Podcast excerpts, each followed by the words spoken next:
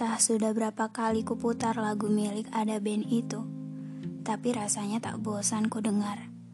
Alunan lagu itu bak simfoni yang mampu menyayat hatiku, sebab lagu itu membuatku kembali teringat pada kekasihku. Ya, yang mungkin tak akan pernah kutemui lagi di hari esok yang akan terus berganti.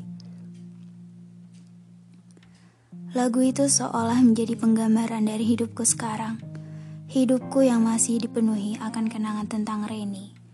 Bagiku, Reni merupakan sosok yang mampu membuatku merasakan indahnya rasa cinta.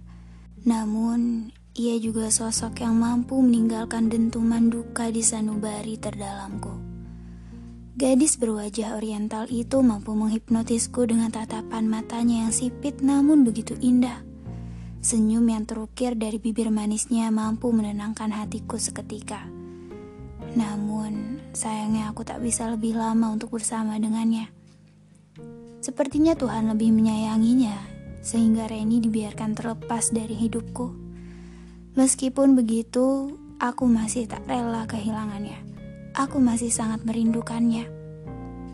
Bagiku Reni adalah nyawa hidupku, yang mana tanpanya maka hidupku serasa hampa dan mati jikalau tak ada lagi Reni yang menemaniku.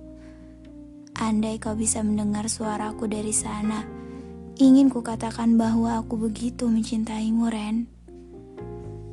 Terkadang aku sering mengupati waktu yang cepat sekali berlalu. Kalau bisa, ingin ku tahan laju waktu agar ia tak menyeret Reni ke dalam detik-detik yang membuat aku harus kehilangan gadis kesayanganku itu. Andai sang waktu dapat mengerti bahwa aku hanya ingin bersama Reni dan tak ingin terlepas darinya Kupandangi kursi di sebelahku dengan tatapan sendu. Biasanya Reni duduk manis di sana. Ia juga suka menyandarkan kepalanya di pundakku ketika ia terlelap dalam tidurnya. Setiap kali ia begitu, maka aku dapat mencium aroma sampo yang masih amat melekat dalam anganku hingga kini. Dulu gadis itu sering kali menyalakan musik di dalam mobil ini. Ia tak suka sepi Sedangkan aku sebelumnya tak begitu menyukai musik. Bagiku, musik itu hanya membuat kepalaku serasa pening dan mengganggu konsentrasiku dalam mengemudi. Ayolah Hardin, musik itu gak semenyebalkan itu kok. Kamu tahu gak, dengan musik kita bisa jadi lebih semangat untuk menjalani hari. Begitulah perkataan dari Reni tiap kali melihatku menghela napas saat ia menyalakan musik. Andai sang waktu dapat kuputar kembali, Ingin rasanya lebih kunikmati ketika mendengarkan musik bersama Reni. Aku ingin tertawa dan menangis bersamanya diiringi alunan musik yang menggema di sepenjuru mobilku ini. Namun, kini hanya sesal yang menjadi sanksi atas diriku yang tak mampu menghargai hal-hal kecil saat bersama Reni. Andai mesin waktu benar ada, ingin rasanya aku kembali ke masa itu dan akan kubuat musik menjadi kenangan indah untukku dan Reni akan kujadikan musik sebagai memori bahwa kisahku dan Reni dahulu pernah mengalun dengan indah layaknya sebuah musik yang harmoni. Sungguh kusesali karena tak bisa membuat Reni merasa bahagia ketika mendengarkan musik bersamaku. Walau sebenarnya aku tak benar-benar tahu perasaan Reni yang sesungguhnya, aku hanya asal menyimpulkan bahwa Reni tak bahagia. Sebab ia suka kesal saat melihatku yang tak bersemangat mendengarkan musik bersamanya. Kuhela nafasku. Lagi-lagi aku berandai-andai jikalau waktu menarikku ke masa saat aku masih bisa memandangi Reni. Ingin rasanya aku bertanya tentang perasaannya. Apakah ia benar-benar kesal ketika aku tak dapat menikmati musik bersamanya di dalam mobil ini? Walau aku tahu Reni kesal denganku yang begitu, tapi aku tahu ia tetaplah Reni yang menyayangiku. Segala lamunan dan ingatan panjangku tentang Reni sewaktu di perjalanan tadi terpaksa terhenti ketika aku telah sampai di suatu tempat yang sesungguhnya amat berat untuk kupijaki.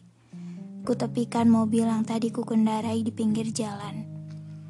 Perlahan aku keluar dari mobilku dan mulai melangkah memasuki tempat sunyi yang mungkin hanya beberapa kali didatangi oleh manusia-manusia yang merindukan orang terkasih mereka. Orang terkasih yang raganya mungkin telah usang digerogoti cacing-cacing tanah dan telah habis dimakan oleh perjalanan waktu. Walaupun begitu, aku tahu bahwa mungkin saja raga orang terkasih itu telah tiada, tetapi yang pasti jiwa mereka masih ada dan akan selalu abadi dalam setiap bait kenangan yang mengalun indah dalam angan dan sanubari terdalam. Kini aku terduduk lesu di sini, di samping gundukan tanah yang di atasnya terdapat papan kayu bertuliskan nama Reni Tesya Wulandari. Tanpa dapat kucegah air mata mengalir melewati kedua netraku dan membasahi pipiku, aku tak peduli lagi pada kata-kata yang menyatakan bahwa lelaki harus kuat dan tak boleh menitikan air mata. Nyatanya, aku hanyalah seorang insan biasa yang biasa lemah dan tak berdaya ketika kekasih sejatinya pergi selamanya dari dunia. Perlahan ku seka derai-derai air mata yang masih tersisa di sudut mata. Ku hela nafasku sejenak dan menghembuskannya kembali demi menghalau rasa sesak yang masih melingkupi Nurani. Aku harus berusaha lebih tegar demi Reni kekasihku, sebab aku tak mau dari atas sana Reni merasa sedih ketika melihatku merana menangisinya seperti ini. Hai Ren, aku datang buat ketemu sama kamu. Semoga kamu tenang dan bahagia di dalam sana ya. Maaf Ren, seharusnya malam itu aku bisa anterin kamu. Jadi kamu gak akan pergi ninggalin aku kayak gini. Gumamku sembari menyiramkan air dan menaburkan bunga di atas tanah kuburan Reni. Tanpa aku sadari, air mata kembali mengalir dari kedua mataku.